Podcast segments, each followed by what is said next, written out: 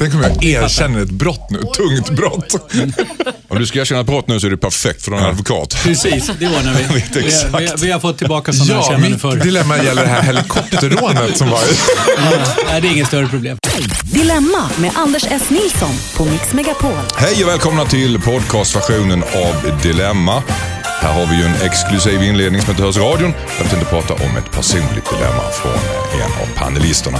Efter det så fortsätter programmet som vanligt med era inskickade dilemma där hemma. Som du skickar in på dilemma.mixmegapol.se. Stora som små bryderier, vi tar hand om allt. Dagens panel är attraktiv som sommarens första färskpotatis. Vi har Farao Groth. Välkommen hit. Tack så mycket. Ja, du är, eh, är känd från programmet här. Ja, Eh, I, från, från det här programmet. I, i ja. Mix Megapol. Ja, Inte ja. från det här programmet, för det här Det första är inte gången så du är många här. som vet hur du ser ut, men du är känd från radio. Du ser ut som en mormon idag, kan du berätta det? Ja, jag ser ut som en mormor. Kommer på. Alltså, jag jobbar i uniform, eh, kostym då i det här fallet. Och så fort man inte jobbar och ska göra något annat så tycker jag alltid att jag känner mig som att jag vill gå runt och berätta lite om Bibeln. Ja. Om ni är intresserade sen så kommer jag Var det därför du knackade på studiodörrarna också? Ja, om vi pratade ringde lite grann på. om Jesus. Ding dong! Alltså en, en väl eh, skräddad vit skjorta och en stram svart slips. Det är så jag lever. Det är så du lever Farao. Välkommen hit. Agneta Sjödin, välkommen du också tillbaka igen. Ja, vad roligt att vara här igen. Ja. Programledare, Måste känd gjort, som måste få. ha gjort något bra första gången. Ja. Så fick komma en gång till. Tyckte det gick alldeles utmärkt. Släpper en ny bok strax va? Eller Mm. Nej, har jag har ju släppt en nu i januari, ja, från hjärtat. Och sen har vi finbesök här på min vänstra flank. Det är nämligen eh, Sveriges före detta socialdemokratiska justitieminister Thomas Bodström. Ja, tack. Advokat, författare. Ja, inkallad på ett par timmars varsel. Till, killen som ställer upp. Tänk att man kan ha en inhoppare som före detta justitieminister. Det här är classy. Från bänken. Från bänken. Vi behöver en inhoppare. Vi ringer justitieministern. När vi ändå är där, vad är det som har hänt med det socialdemokratiska partiet? Alltså när Lasse Lagerström äh, lämnade landslaget så gick det ju neråt. Och nu när du har försvunnit så, vad har hänt med partiet? Det, är, inget, det är inget klös längre. Alltså det, man brukar alltid tala om att det bråkar så mycket i socialdemokratiska partiet. Nu gör det inte det och då blir man orolig för det. Ja, alltid något. Så enkelt är det. Alltid. Skulle du vilja ha mer bråk? Nej, en öppen diskussion är bra. Ja. Men just nu är det ganska tyst tycker jag. Mm, det är det verkligen. Välkommen hit, du är ju känd här från eh, Mix Megapol också på morgonen.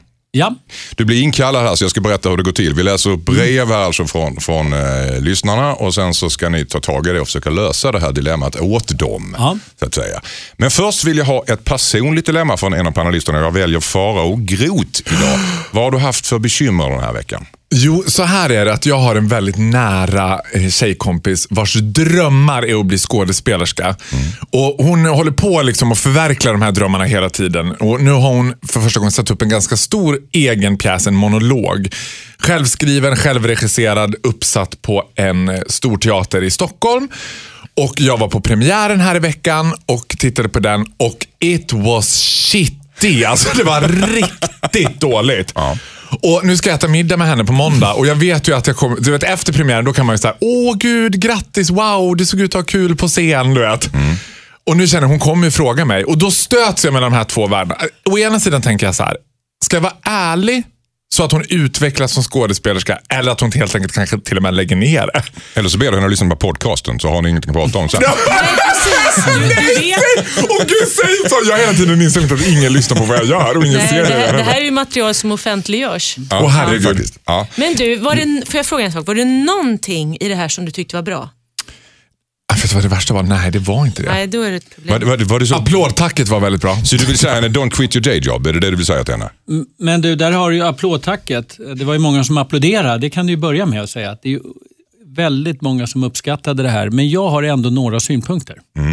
Så du kan du tycker börja. att man ändå ska ge lite man måste- feedback? Ja, om det måste är den börja med första det så tycker bra. jag att det är, är, är onödigt att såga det för alltid. En, gå- en dålig gång är ingen dålig gång. Du vill linda in ditt socker? Thomas? Ja, jag tycker att alltså, jag har läst manus av, av kompisar och, och, och andra och ibland hamnar man lite i den här situationen. Men det finns alltid något positivt att säga. Men sen, sen är det viktigt att säga det här, men kanske på ett lite mer inlindande, sakligt sätt. Du kan inte säga som du säger i podcasten nu. Nej. Nej. Och det har du redan gjort så att egentligen är det, är det inte lite kört Thomas? Nej, men du- då, det, vi talade ju om det tidigare erkännande här. Det går alltid att ta tillbaka och säga att eh, Det blev form. fe, felklippt och showade lite. Felklippt. Men jag, jag tror ju... Är det från dina intervjuer med journalister? Nej, det var felredigerat. Så har jag aldrig sagt. De har klippt ihop på ett konstigt sätt.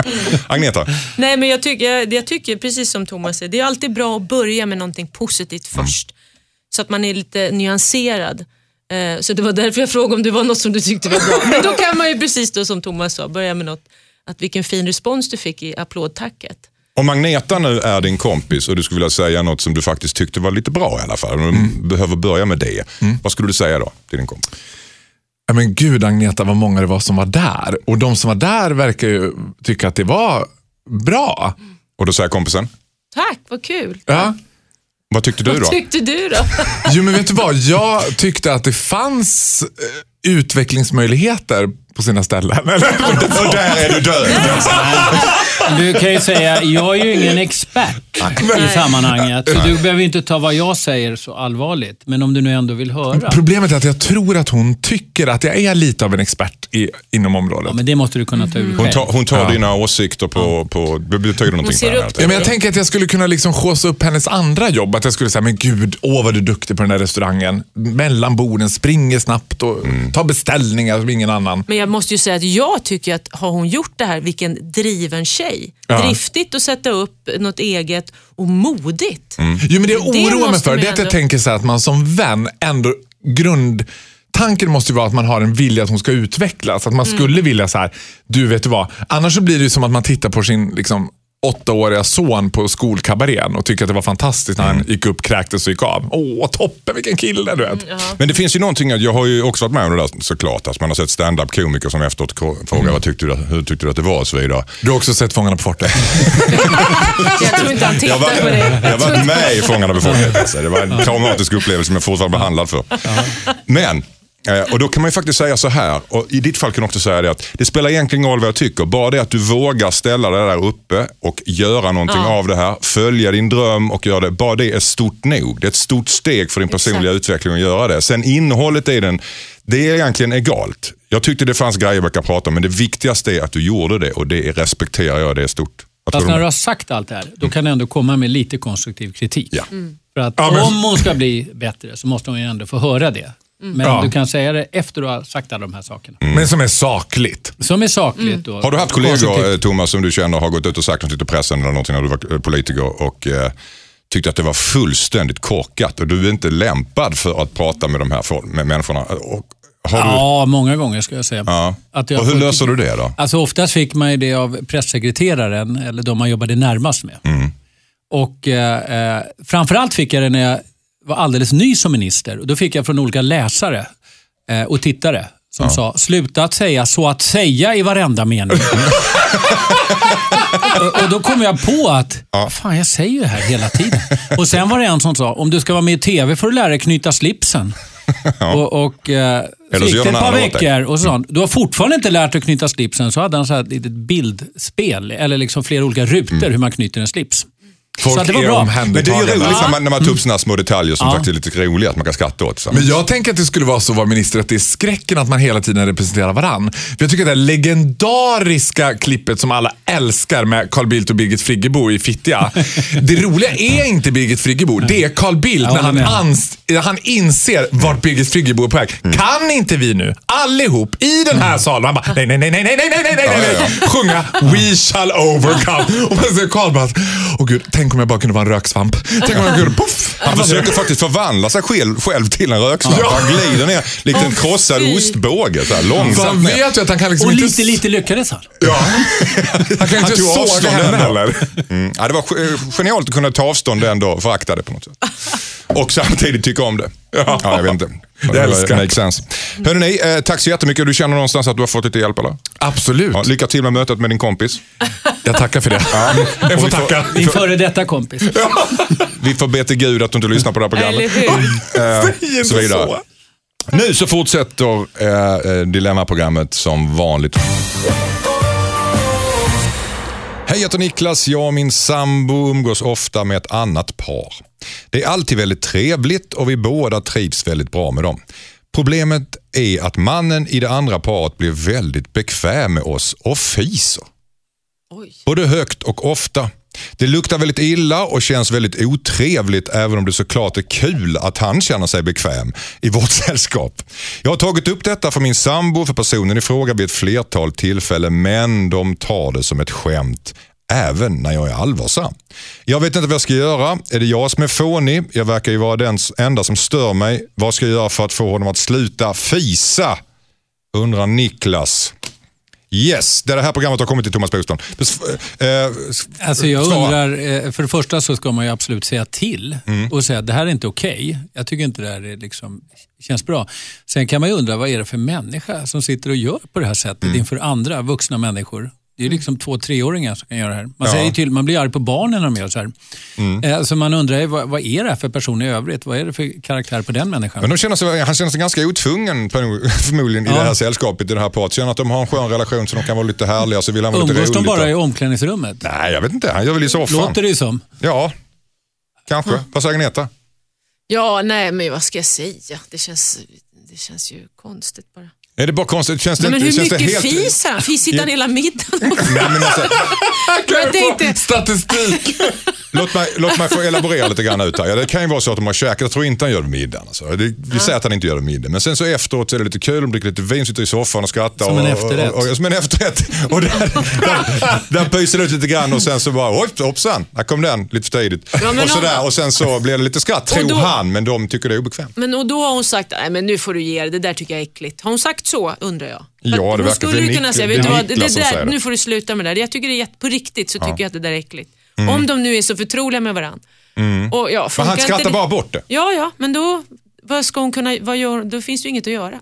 Jo, sluta umgås. Ja, Ja, typ. Nej, men jag tycker att det en här är- dealbreaker om någon fiser? det tycker jag. Ja, men alltså, vad är det för människa? Ja, men för jag är lite inne på det Thomas, alltså nu försöker jag alliera mig med de här två igen. För att jag är lite inne på det tag. Ja, jag kände mig lite left outside alone. Men jag tänker så här att Alltså vad är det för människa? Det är så himla primalt. Det där är en sån vanföreställning om att det handlar om att vara bekväm. Alltså jag har ganska mycket situationer med kvinnor som tycker så här: åh, jag är en bekväm kvinna som kan vara precis som jag är. Och man bara, Ew! Det är inte okej. That's just nasty. Alltså, varför, ju- det, där är bara, det där är bara någon som är helt... Alltså, jag tänker att det är så primalt. Alltså, Okej om man har ätit liksom en jambalaya och man har IBS och bara, jag kan, då får man säga, vet du vad? kan ju ändå Förlåt. gå ut. Ja, ja, man kan gå ut. Det, där, det är en myt och en vanföreställning att det handlar om att vara bekväm. De personer jag är absolut mest bekväm med skulle jag aldrig fisa med. Kan- eh, ha- Släpper inte ni er förra partners? Nej. Nej, men Då, för, eller- Aldrig- jo, aldrig gjort har det, hänt, men Thomas. Då, jo, det är klart det har hänt. Ber de då, då ursäkt får man då? själv be om ursäkt och Ja. så vidare. Så, så har vi hemma hos oss och det är klart det har hänt. Du skrattar inte då? Fisar, nej, oh, det kan man ju kanske göra. Så farligt är det inte. Värre saker har väl hänt. Men fisar är ju som skryt. Ja. Man kan bara stå ut med sitt eget. Ja.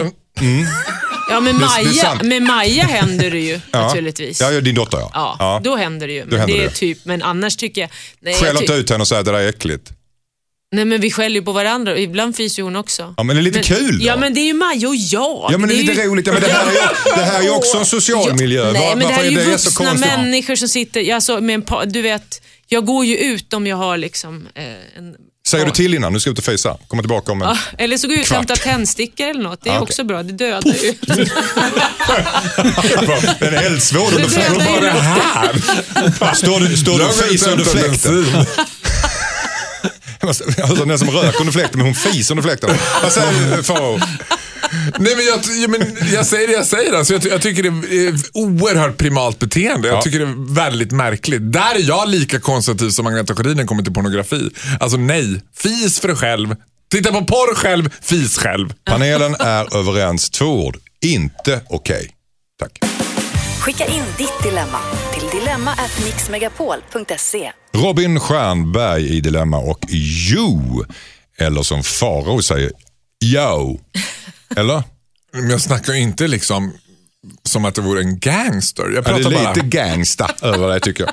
Mycket engelska. Åh gud, det måste vara sista personen walking this earth som kallar mig för Gay- gangster. gay gangsta. Gay, alltså the gay army is here to strike again. Du hör, ni hör ju själv, alltså, det är bara en centimeter från gangster. Jag vill ju bara sprida bibelord Ja, det jag var- vill. Mormonerna Men du här är klädda i lite, lite gangsterklädd faktiskt också. Mm.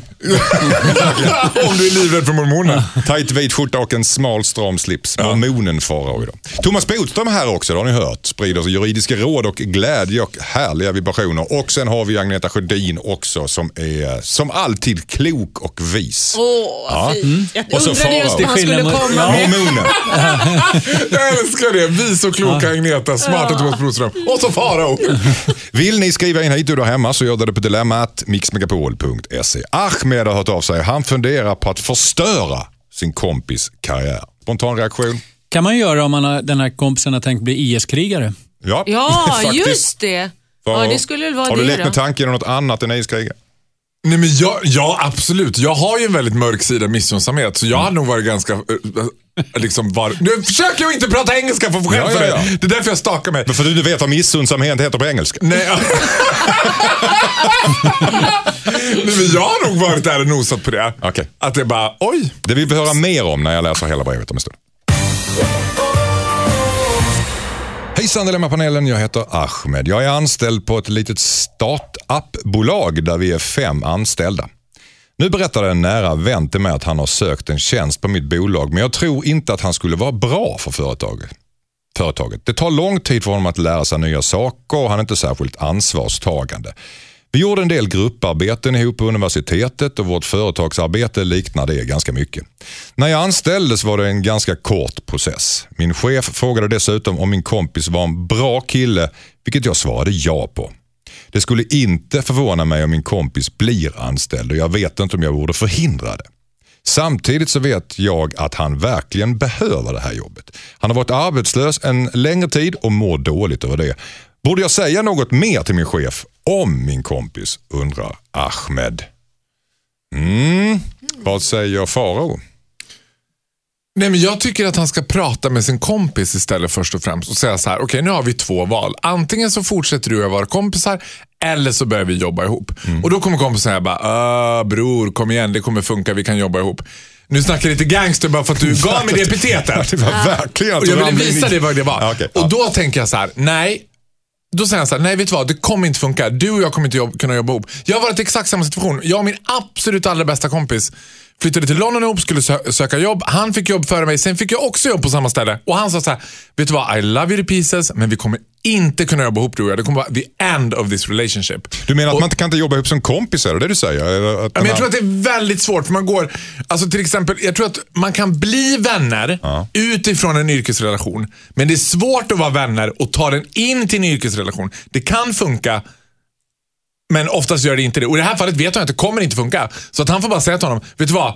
Det här jobbet är rökt. Jag värderar vår vänskap högre. Jag kommer att bränna det alltså. Tydligt besked ifrån Farao. Vad säger eh, Thomas Bodström? Nej, jag tycker, eh, jag håller inte med på det här. För att eh, om det är så att den här killen nu ska börja jobba där så behöver inte han gå in och förstöra det.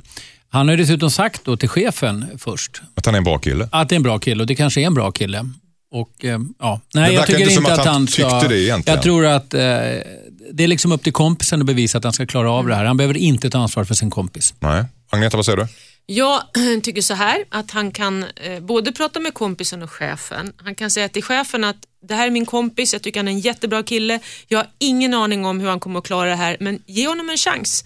Men det är inte mitt ansvar. Nej. Så kan han ju säga för att liksom känna att det inte är hans ansvar.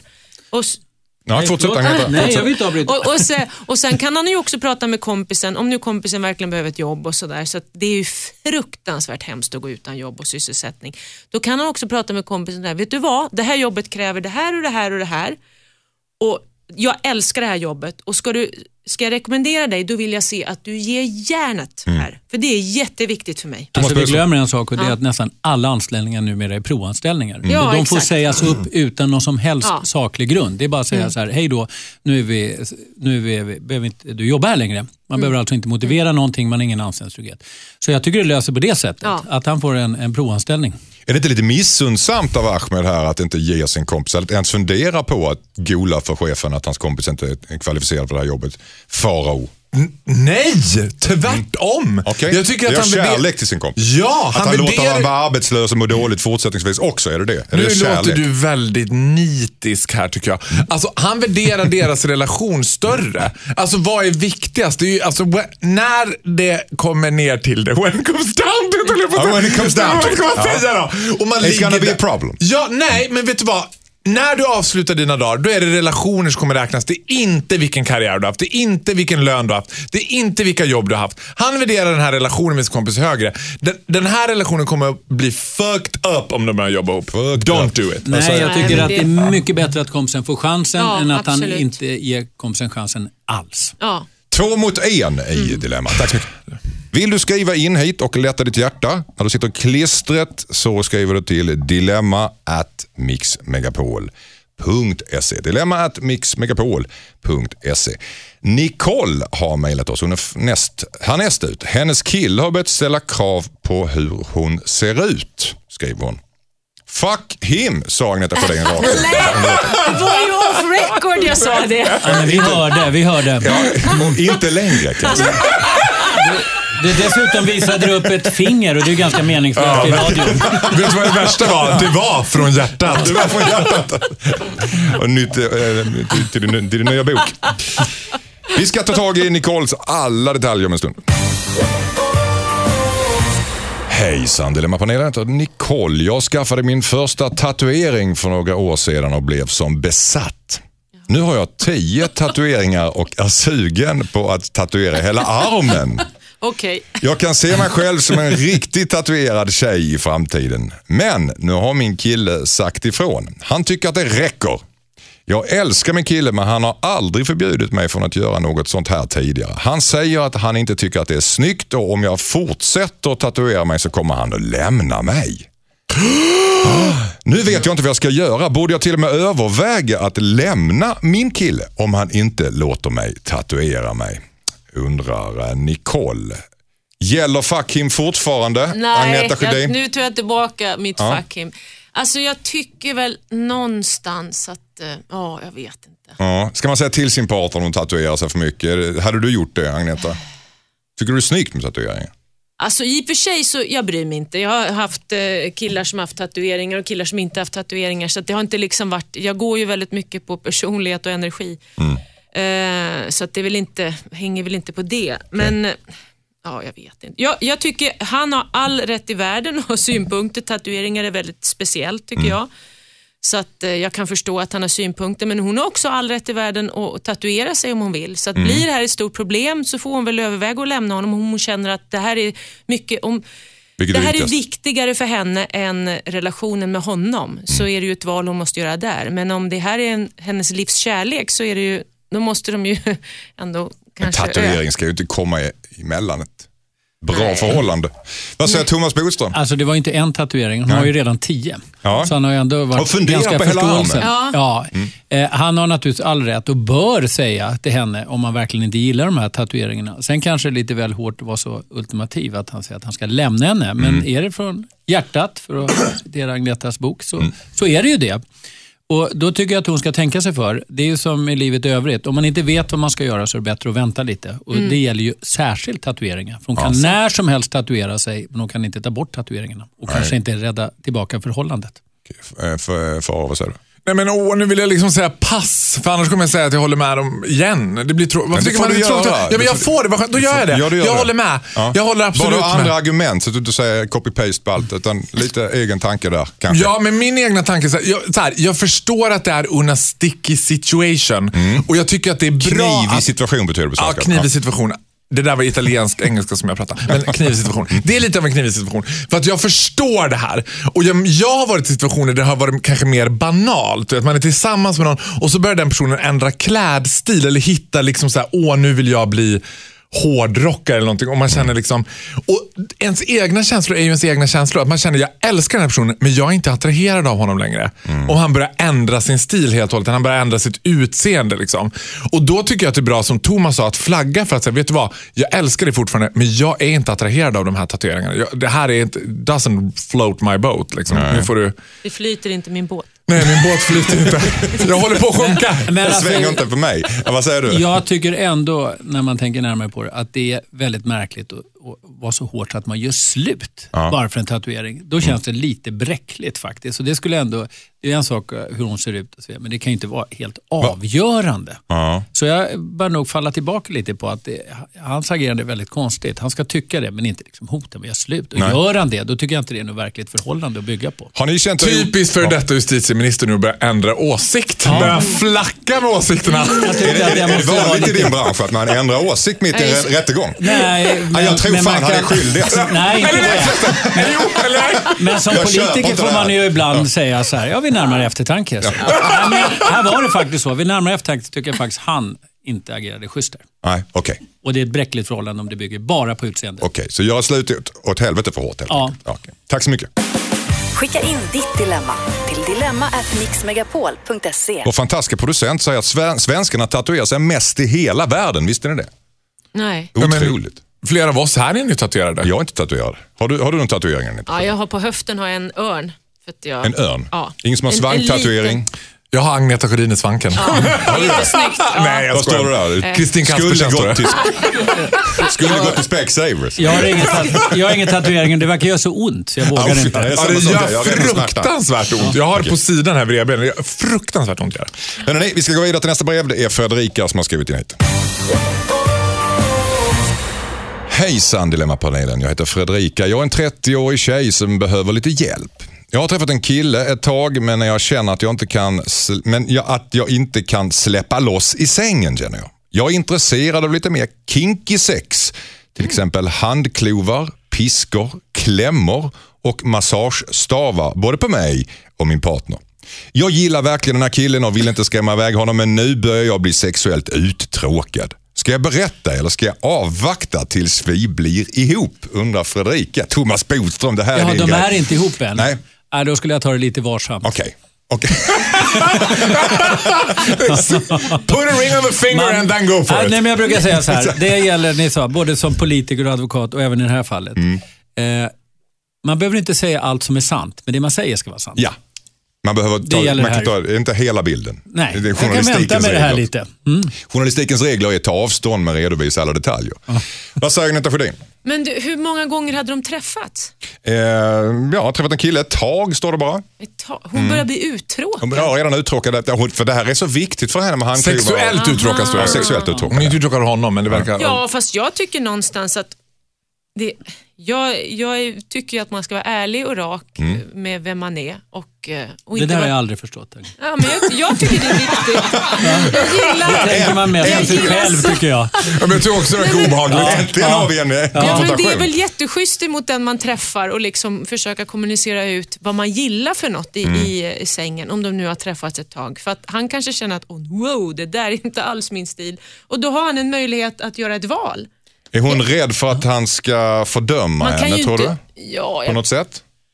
Kan det vara något fördömas. Så farligt är det väl kanske inte med de där. Det, var, det är ju ingen liksom Piskor, klämmor? piska Ja. jaha, och klämmor. Vad ska, Klämmor? Hon, vad ska hon sätta dem? Vad sätter Men man dem? herregud Agneta. Du, alltså jag är... är Spela inte oskyldig. Nu. Alltså jag är så jäkla traditionell när det kommer till sånt där så att det, jag har I aldrig haft näsan, det luktar illa. Ska vi hänga Jag vet inte. klämmor. Sätter man dem på, vadå? Bröstvårtorna? bröstvårtorna? Man kan sätta dem lite här och Det där. gör ju ont i hela mig. Jo men det är That's the point. Nej, Vad men tror du gör piska gör då. Ja, ja, men det tror jag att jag förstår vad Och den när du har gör. handklovar också och glömt stoppbordet, vad händer då? Faro, vad säger du? Nej, men jag sitter ju här med lösningen. Alltså, Ja. Det bästa man kan göra i den här situationen är ju bara Nu att... går Agneta verkligen. Ja, hon bara- Agneta gör Sjönk en ihop. Paris Hilton walkout. Nej men alltså det bästa man kan göra är att vända sig till porr. Alltså hon borde börja titta mer på porr om hon inte gör det. För att jag har en idé och lösning om det här. Alltså i alla relationer så finns det här eviga hora madonna-komplexet. Att man har en uppfattning om vad man tänder på sexuellt. Jag är rädd för att om hon börjar klämma, klovor, klämmor, liksom, piskor och smisk och gagballs och allting med honom. Så kommer hon att känna efter en stund Åh, det här blev jobbigt. Eller oj, oj, vad bökigt. Och du vet att det är svårt att få det här romantiska, behålla det också. Så jag tänker så här, börja titta på porr. Alltså porren finns ju för att stimulera det där. Jag är vid den bestämdaste uppfattningen att don't live the dream. Dream the dream, live the life. För, Okej. Men menar du att hon ska Agneta? kolla på porr själv och leva ut där eller tillsammans med honom? Nej, för guds skull. Kolla på porr själv. Blanda inte Aha, in honom i det här. nej, okej. Kolla på porr själv. Hon kan till och med kanske gå på någon porrklubb. Liksom, Mm. Där hon kan titta Gud, på en andra porrig. par. Ja, men jag är väldigt Du är porrig. frossar i porr. Men jag kan bara säga här, för Thomas, jag tycker att hon ska säga det. Det var bara en fråga om timing när hon ska säga det. Hon kan ju börja lite försiktigt. Tänk om han också gillar det här och går och tänker på de här exakt. sakerna. Ja, men det kan är vara väldigt ganska snabbt. olyckligt. Ja, men Det kan man visst ganska är det snabbt smyga att in. Kan man ja, tänka men man sig- behöver inte säga allting direkt. Nej. Det är det jag säger. Mm. Thomas, jag, jag är inne på den linjen också. Kan man tänka sig ta ett steg i taget? Att man börjar med en klämma, sen ska vi leka lite grann med den här? Eller? Förklara klämmer för mig, på Ja, men man, det är en klämma som du tar, sätt det fast på bröstvårtan eller i Aha. pungen så att det ska göra ont. liksom. Koppla det till ett Aha, batteri. okej. Nej då. Det var, Ja, men jag tänkte så här, jag liksom närmade mig min pojkvän lite försiktigt så här. Ja, vi skulle ju kunna ha lite annorlunda kläder på oss. Och han bara, ja, jag gillar inte rollspel. Jag bara, Ja, nu sitter jag och klämmer med bröstvårtan bara för att Agneta sa sådär. Men jag, jag tror också ibland man kan närma sig lite så här. Och jag menar varför inte så här, ta en middag, drick lite vin, prata lite så här, men gud vet du vad, har du no då kan man ju bara prata om, så, har du någon fantasi eller har du något så du vet. Ja. Om han bara, nej jag är jättetraditionell. Don't go for it. Okej, Ja, bra, bra. Om du, inte, om du känner att han är helt inte alls med så titta på porr, tycker Farah och Agneta Sjödin eh, känner att det här... Kommunicera, ja. Ja, kommunicera och Thomas Bodström är också. Ta, du måste prata om det här men ta det försiktigt. Just det, avvakta lite. Tack så mycket. Hejsan Dilemmapanelen, jag heter Lina. Min rumskompis tar över mina prylar. En tjej hyr ett rum av mig sedan drygt ett år tillbaka och hon har börjat säga att mina saker är hennes. Första gången det hände så tackade hon för att jag hade tvättat några av hennes klädesplagg. Jag blev förvånad och förstod inte vad hon menade. Då påstod hon att en av mina blusar var hennes. Jag stod på mig och det slutade med att hon gav sig, även fast hon uppenbart inte höll med mig. Sen har det hänt flera saker. Hon påstod att en lampa var hennes. Jag orkade inte tjafsa då heller och sa att det lät märkligt men att den kanske var hennes. Sen tog jag med en stavmixer hem till min kille. Då frågade hon om jag hade tagit hennes stavmixer. Jag hörde av mig till en kompis som var med när jag köpte stavmixern och hon intygade att jag hade köpt den modellen. Jag vet nu inte vad jag ska göra. Det här började för några månader sedan och vi har skrivit kontrakt för att hon ska bo hos mig nästa ett år till. Hon är snäll och allt annat har fungerat bra men det här börjar oroa mig. Är hon förvirrad eller bara kleptoman? Vad ska jag göra? Bara kleptoman, Thomas Bodström. Vad säger? Alltså, det här är ju inte kleptoman, det är mer vanföreställningar hos den här tjejen. ja, men på riktigt är det ju det, där hon får för sig saker som inte överensstämmer med sanningen. Och det är ju väldigt obehagligt. Det är väldigt obehagligt. Ja, jag tror att det här också kanske är grund för uppsägning av hyreskontraktet. Även om det gäller i ett år. Det här är Så har ingen man, finns det ju vissa situationer man faktiskt får säga upp ett hyreskontrakt. Och börjar någon begå brott, då är det så. Men måste man inte ha bevis och sätta igång en undersökning för att det verkligen förhåller sig så?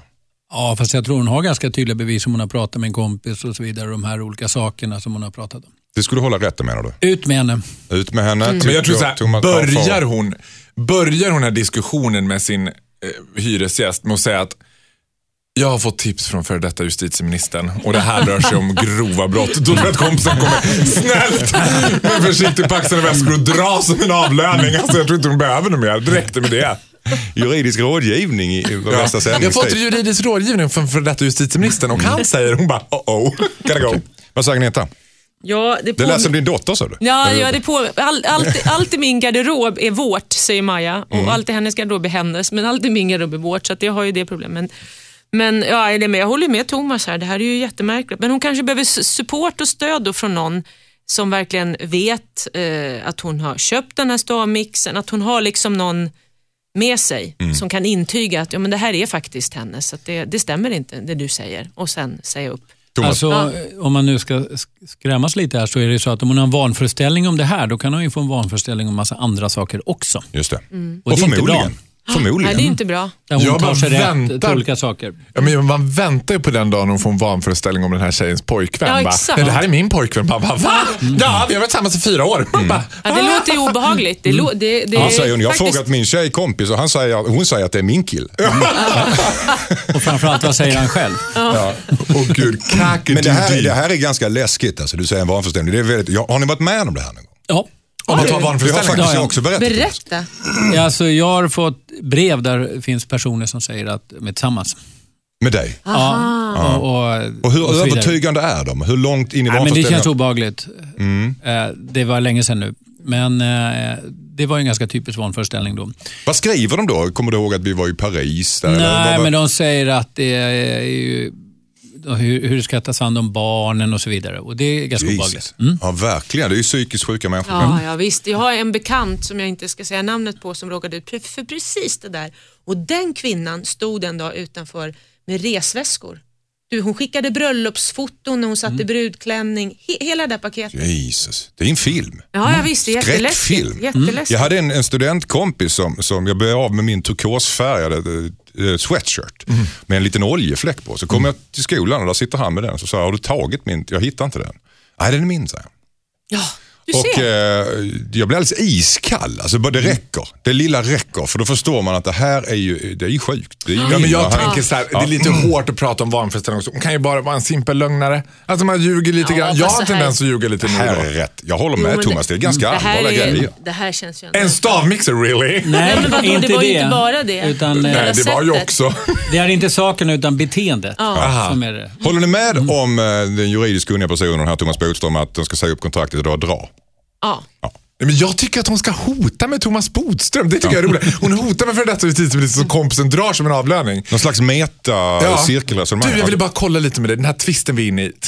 För detta justitieministern, han sa att det var grov brottslighet. Det var ju konstigt. Hon bara, ah, gotta go! Vet. Tack. Hej Dilemmapanelen, heter Georg. Jag träffade en bekant nyligen som hade hört att min 17-åriga dotter hade varit på möten med anonyma alkoholister. Hon har varit lite strulig under uppväxttiden och jag har kommit på henne med att dricka sprit några gånger när hon var 15 till 16 år men jag visste inte att hon hade så här allvarliga problem. Jag blev chockad och har kollat upp när det är möten. Hon har alltid jobbpass samma tider som det är AA-möten i närheten av oss. Jag vet inte om jag borde ta upp det här med min dotter. Å ena sidan så verkar hon ju hantera det själv, hon går ju på möten och håller sig nykter. Samtidigt så vill jag visa att jag kan stötta henne i detta. Men hon har inte berättat något för mig och hon går ju dit för att vara just anonym. Jag är rädd att hon stöter bort mig om jag lägger mig i. Borde jag ändå berätta att jag vet att min 17-åriga dotter går på möten för anonyma alkoholister? Undrar Georg. Thomas Bodström, vad säger du? Jag tycker att det är ganska fantastiskt att en 17-årig tjej går på AA, att hon har den insikten. Eh, Så det var ju Moget. väldigt moget. Å andra sidan är det väldigt tidigt för att få alkoholproblem. Eh, Så att det är lite kluvet. Jag tror att eh, kan uppmärksamma det, men säga att nu har ju du tagit tag i den här situationen själv, så att eh, det är du som väljer att berätta för mig det du vill berätta. Jag vet om, jag kommer inte att fråga om det. Men sen naturligtvis vara extra vaksam för hur, alltså, hur hon beter sig i övrigt, om hon kan hantera det här. För det är klart, det är en extrem varningsklocka. Det går ju inte att säga något annat. Agneta vad säger du? Ja, jag håller med Thomas där att det är fantastiskt att hon eh, har, eh, hon har kommit till någon sorts självinsikt, att hon inte kan hantera det här och, eh, och tagit tag i det. Det är ju otroligt insiktsfullt och bra. Och sen precis som Thomas säger, jag tycker han kan väl kanske säga att, att han känner till det här och jag finns här om du vill prata och behöver stöd men annars så lägger jag mig inte i det här för jag märker att du har tagit tag i det här själv. Lite så. Faro, vad säger du? Ja, men jag håller med Agneta och Thomas också, men jag tycker nog kanske inte att han behöver säga någonting överhuvudtaget. Att han kan vara vaksam, hålla lite extra koll på henne, men jag tror att alltså, det är alltid en fråga om integritetskränkning. Alltså, går hon på anonyma alkoholister, då är det för att hon vill vara anonym. Hon har uppenbarligen bestämt sig för att ta tag i det här själv. Jag tänker att det kan hjälpa mer än det hjälper om pappa plötsligt kliver in och säger jag vet om det här och jag finns här för dig. Att det det finns ju en anledning till att hon inte berättar det här för pappan. Och det behöver inte handla om att hon känner enorm skuld och skam inför honom kanske. Utan att det handlar bara om sån enkel sak som att hon vill ta tag i det här själv. Och inte liksom, jag tror att ändå när man är 17 år så är det väldigt känsligt när ens föräldrar är i. Ska- Låt. Ja, Om han det inte kan är jag direkt- både och faktiskt. Jag, kan hålla, jag håller både med Farao och eh, Thomas här. Okej. Alltså anonyma alkoholister är ju för att de som går dit inte ska berätta om andra som går dit och att man ska gå dit alldeles anonymt. Det innebär Mm. ju inte att om man går på A-möten att man inte själv kan berätta för sina närmaste om det. Just det. Det är det som är poängen med att vara anonym Är det viktigt att pappa håller ett öga på henne? Så han är faktiskt fortfarande vårdnadshavare Mm. för henne och han har ett ansvar och det är klart att här har det hänt något som har gått riktigt, riktigt snett med Mm. en 17-åring som har fått Men- alkoholproblem. Blir han inte sugen på att veta hur mycket hon har druckit och sådär? Nej, jag är däremot Nej, men jag, sugen. ja, okej. Ja, men, men det är inte det allra viktigaste. Det viktigaste är att hon har tagit tag i situationen och att han är vaksam. Ja, men. Thomas, jag är mer nyfiken på juridiskt. Kan man gå på A när man är under 18? Det finns ingen anmälningsplikt mot föräldrar. Jag tänker att socialförvaltningen skulle vara inblandad om det var någon som var under 18 och hade alkoholproblem. Nej, men det är så att det där löser sociala ganska bra faktiskt. Eh, Jag vet ju inte vad det här är för möte eller någonting med att man kan gå och prata som ung tjej och kille med både skolpsykologer och andra. Mm. Eh, Sen är det ofta så att om det är riktigt, riktigt allvarligt då har de en skyldighet att ändå kontakta föräldrarna. Om det till exempel Mm. Ja, men på A kan man gå oavsett ålder eller? Jag känner inte till faktiskt vad, gränsen är, men jag skulle ha svårt att tro att det finns någon exakt åldersgräns. För, Okej. I alla fall om man är 17 år. Sen tror jag inte att man, poängen är, man frågar ju inte heller om man är 17 eller 18 eller 19. Nej, det är sant. Så en kort så, så ska han prata med sin dotter, ja eller nej? För? Nej! Agneta? Ja, Ja, jag är nej. lite kluven där faktiskt. Mm. Om du Ja. måste säga ja eller nej då? Ja, kan man ju säga. Ja. Ja, ja. Ja, säger jag. Man ska han ju berätta om det in- men inte lägga sig i mer. Tack så mycket. Hejsan Dilemmapanelen, jag heter Henrik. Min flickvän är väldigt närgången med sina vänner. Vi är båda i 20-årsåldern och har varit ihop i nästan ett år. Innan vi blev ihop var jag medveten om att hon var närgången med både tjej och killkompisar. Hon kramas, håller om och sover tillsammans med dem. Det är tydligen vanligt i hennes kompiskrets. När det gällde hennes gamla vänner accepterade jag det trots att jag tyckte det var jobbigt. Jag har sagt till henne att jag inte mår bra av att hon lär känna nya killar och skaffar liknande kelrelationer med dem. Hon sa att hon förstod och att hon höll med. Nyligen kom jag hem till henne efter en fest och hittade henne sovande i 90 säng tillsammans med en killkompis som hon träffade nyligen efter att vi blev ihop. Jag blev förbannad och sårad. Jag är inte orolig för att hon kommer vara otrogen men jag mår dåligt av att hon måste vara så intim med nyfunna killkompisar. Hon tycker å andra sidan att det här är mitt problem och att jag måste acceptera hennes syn på närkontakt. Borde jag försöka acceptera det här eller ska jag ställa ett ultimatum om att hon måste förändra sitt beteende? Undrar Henrik. Agneta, Nej, du skakar tycker- på huvudet. Ja, men om han mår dåligt av det här så tycker inte jag att han ska acceptera det här. Man ska ju inte gå in i en relation där man mår dåligt. Ska han gå runt och må dåligt över att hon har de här, äh, nej. Han, han, han tror ju själv inte att hon är men otrogen. det viktiga i en relation, det, det är väldigt viktigt att man kan bara känna att man kan slappna av och vara sig själv Mm. i en relation. Och han kan ju onekligen inte vara sig själv här, för han, går ju, han mår ju dåligt. Det här kommer växa som en cancer tror du, deras relation? Och hon tycker ju att hon bara ska få köra på. Liksom. Ja. Vad säger Thomas Bodström? Nej, jag tycker tvärtom faktiskt. Här. Mhm. Eh, om han nu eh, är övertygad om att hon inte är otrogen så spelar det väl ingen så stor roll. Ja, just det. Utan det är hon som är så här som person och han är väldigt kontrollerande tycker jag.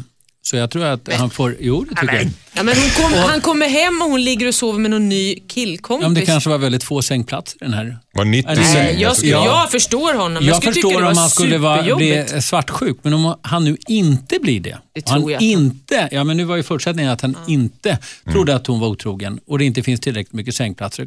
Klart att två personer i 20-årsåldern kan dela en säng. Eh, Tror du inte han är rädd för vad det ska sluta? För att hon är väldigt kelig och kramig. Jo, det är klart att det är risken, men så länge han känner så. Om man däremot börjar känna, nej det här känns inte okej, jag tror att du kommer träffa någon eller vara otrogen. Då Men han blir läget tycker ju inte annorlunda. att det känns okej. Han Nej, men det jag han säger det att om man, om man litar på henne, Okej. då tycker jag att det är okej. Faro, vad säger du? Men jag tycker jag är 100% med Agneta Sjödin i vanlig ordning. För jag tycker att det här att leka med elden, du jag tycker att... Nej. Vad insinuerar du nu Att för du- någonting? du absolut gillar inte- när det blåser till. Nej, men du nu ska jag säga som ligger till varit- här. Jag tycker att det är fantastiskt. Alltså jag tycker det där beteendet har jag väldigt, väldigt svårt för. För det är inte som att det är en mänsklig rättighet att vara frivol med sina kompisar. Att Bara, men jag är så här, jag är ett naturbarn, jag måste krama Du mina menar vänner." Nej, men jag pratar inte engelska Nej, nu. nej, nej, okej. Alltså jag, tyck, jag, jag tycker det där, jag har jättesvårt för det där beteendet. Och det är så här, coming from a gay community som jag gör, så är det där ganska intressant för mig. För mycket gaykillar har ett väldigt närgånget sätt med sina tjejkompisar. Mm. Och så har det hänt mig i situationer där tjejen i fråga får en pojkvän och säger så här, jag är inte jättebekväm att du och Farao har den här. Liksom. Och då tycker tjejen så här, men vad då han är ju bög. Nej men det har ingen betydelse. Det har så här, jag förstår den grejen. Och det handlar inte om att vara jättekontrollerande. Om man på ett fint sätt, som det verkar som att han hade kunnat tagit upp det med henne ganska nyanserat. Att jag fattar att du har den här relationen. Han säger också att jag är inte jättebekväm när du gör det med nya vänner. Om ni har ett gammalt mönster där ni har det här sättet att umgås, fine. Men måste du, du vet, jag fattar det till Ska jag ställa 100%. ett ultimatum? Det är det som är frågeställningen. Han ska göra slut! Nej, jag skojar. Det ska jag inte göra. Nej men jag förstår, alltså jag hade mått skitdåligt. Jag hade sagt det. Jag tycker det känns jättejobbigt att du ska vara så kramig och gosig med alla och sova med kompisar. Vadå kompisar? Men vad hade det varit- det kanske är KK, inte vet jag. Men hade du ställt ett ultimatum, hade du sagt att fortsätter du så gör jag slut? Ja, om jag mådde dåligt av det så hade jag sagt det. Vet du vad, jag mår jättedåligt av det här och därför kan inte jag vara i en relation om, det ska, om du håller på så. Men det är ju märkligt att han säger att det är okej med vissa och vissa inte. Då Men är jag han tror att han gör, han gör, nej, han gör det bara Kan för att han försöker. Ja, han ska vara försöker kramiga. acceptera Han, det. han försöker acceptera det men jag sluta. Är hon tror så han... här får han leva med det. Nej, Thomas. Jo, Nej. Ja, men vi tycker olika. Agneta slog mig på armen. Verkligen. Det är inte min Thomas. Är Konstant kränkt. Tack så mycket. Hejsan Dilemmapanelen heter Paula. Min kompis har frågat mig om lov att dejta mitt ex. Jag dumpade mitt ex efter att han hade varit otrogen. Vi har inte haft så mycket kontakt sedan dess. Nu har min kompis hört av sig till mig. Hon sa att hon har träffat mitt ex några gånger och att det har blivit lite flörtigt mellan dem. Men hon ville höra med mig om det är okej att hon börjar träffa honom. Jag vet inte vad jag ska säga. Jag har ingen lust att umgås med henne om hon börjar bli ihop med mitt ex. Samtidigt så blir det konstigt att förbjuda henne om hon redan har börjat flörta. Vad ska jag säga till min kompis? Undrar Paula. Ja, Kompis är sugen. Vad säger Agneta? precis just det där. Ja. Att, eh, ja visst, det, det bestämmer du ju själv. Jag kan ju inte hindra dig från att dejta mitt ex, men det kommer bli väldigt konstigt för oss att umgås om ni är ihop. Men då får du och jag umgås, då Mhm. Separat. det måste ju hon få välja. Om hon, Mm. Så att hon kan ju precis säga exakt just det där. Det är ju inte konstigt att säga det. Är du sugen så kör men uh, sköt det snyggt och jag vill inte vara del av det. Nej men hon får sköta det hur hon vill. Men, Mm. men hon, det är klart, hon kan ju inte förhindra sin kompis. Om hon tycker att det är okej så kan hon ju bara säga det. Men också då säga att det blir konstigt för mig att hänga med er. Bara så att du vet. Faro, säger du? Jag tycker att absolut inte. Jag tycker det är vansinnigt. Det är, självklart ska hennes kompis inte göra det. Nej. The sea is full of fish. Alltså, hon kan hitta någon, fisk. Ja, sjön är full av fisk. Hon kan det hitta någon annan kille.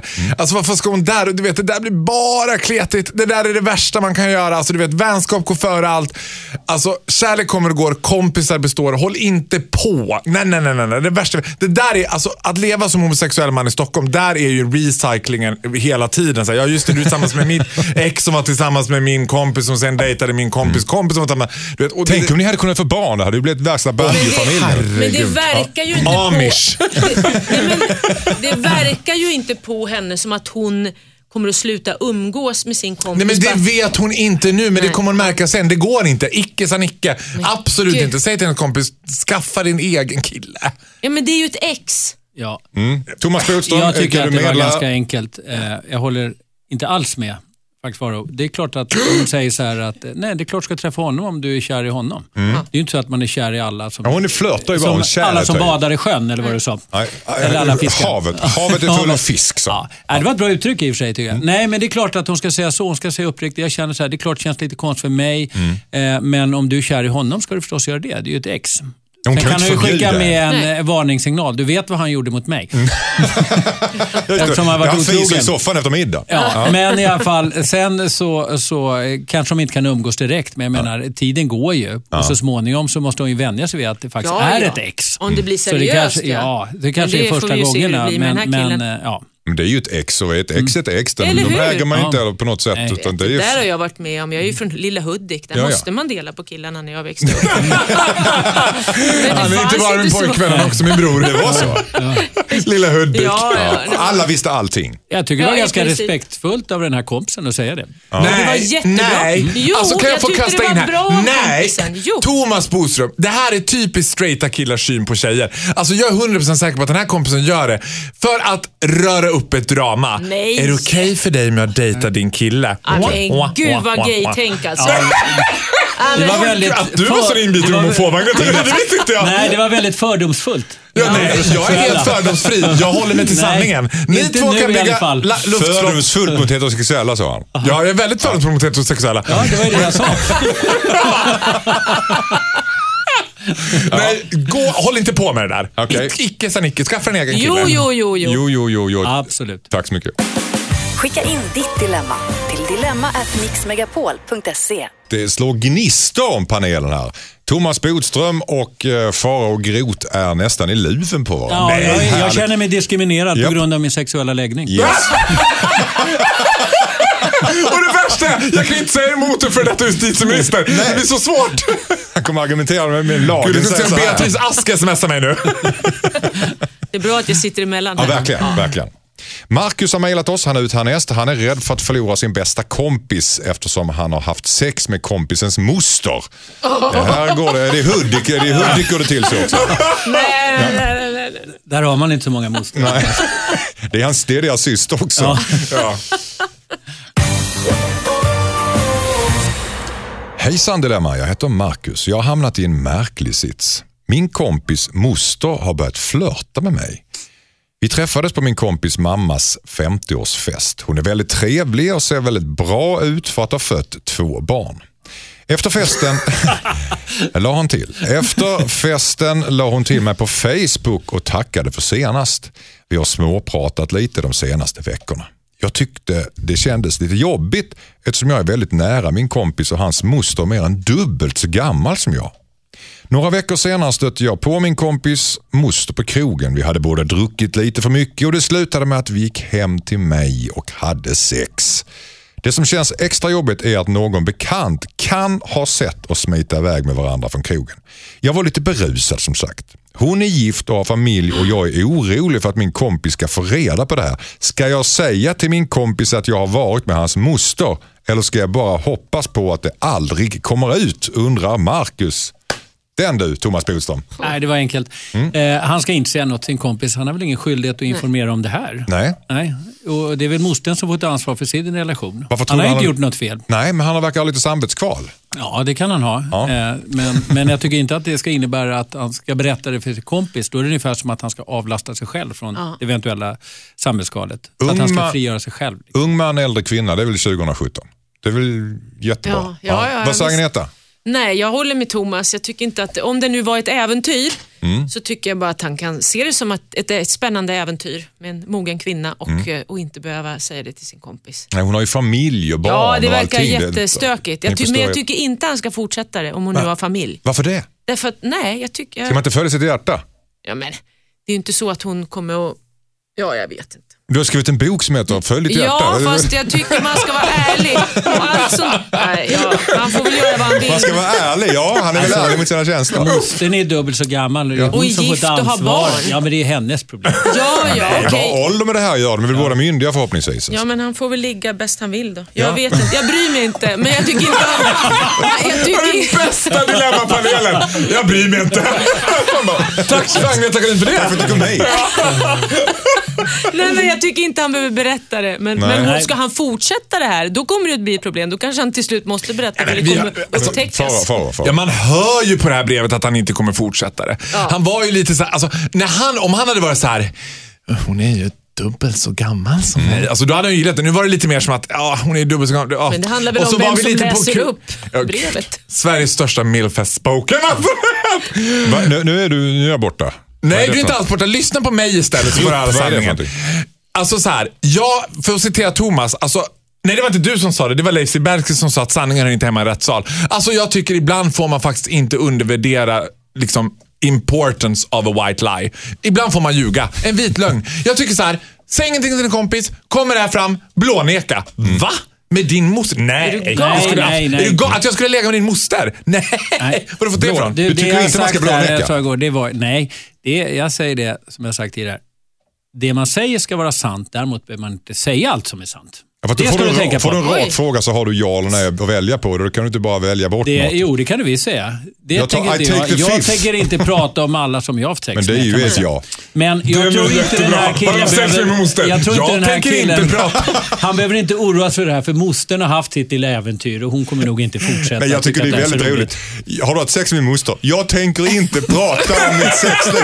Herregud Thomas, vad är det? Tänk dig två unga killar, grabbkompisar emellan och så frågar du knullat min moster? Jag tänker inte prata om mitt sexliv. Man bara, okej. Ja, men jag tycker det är bättre. Det var ingen bra kommentar, men det är bättre än att ljuga.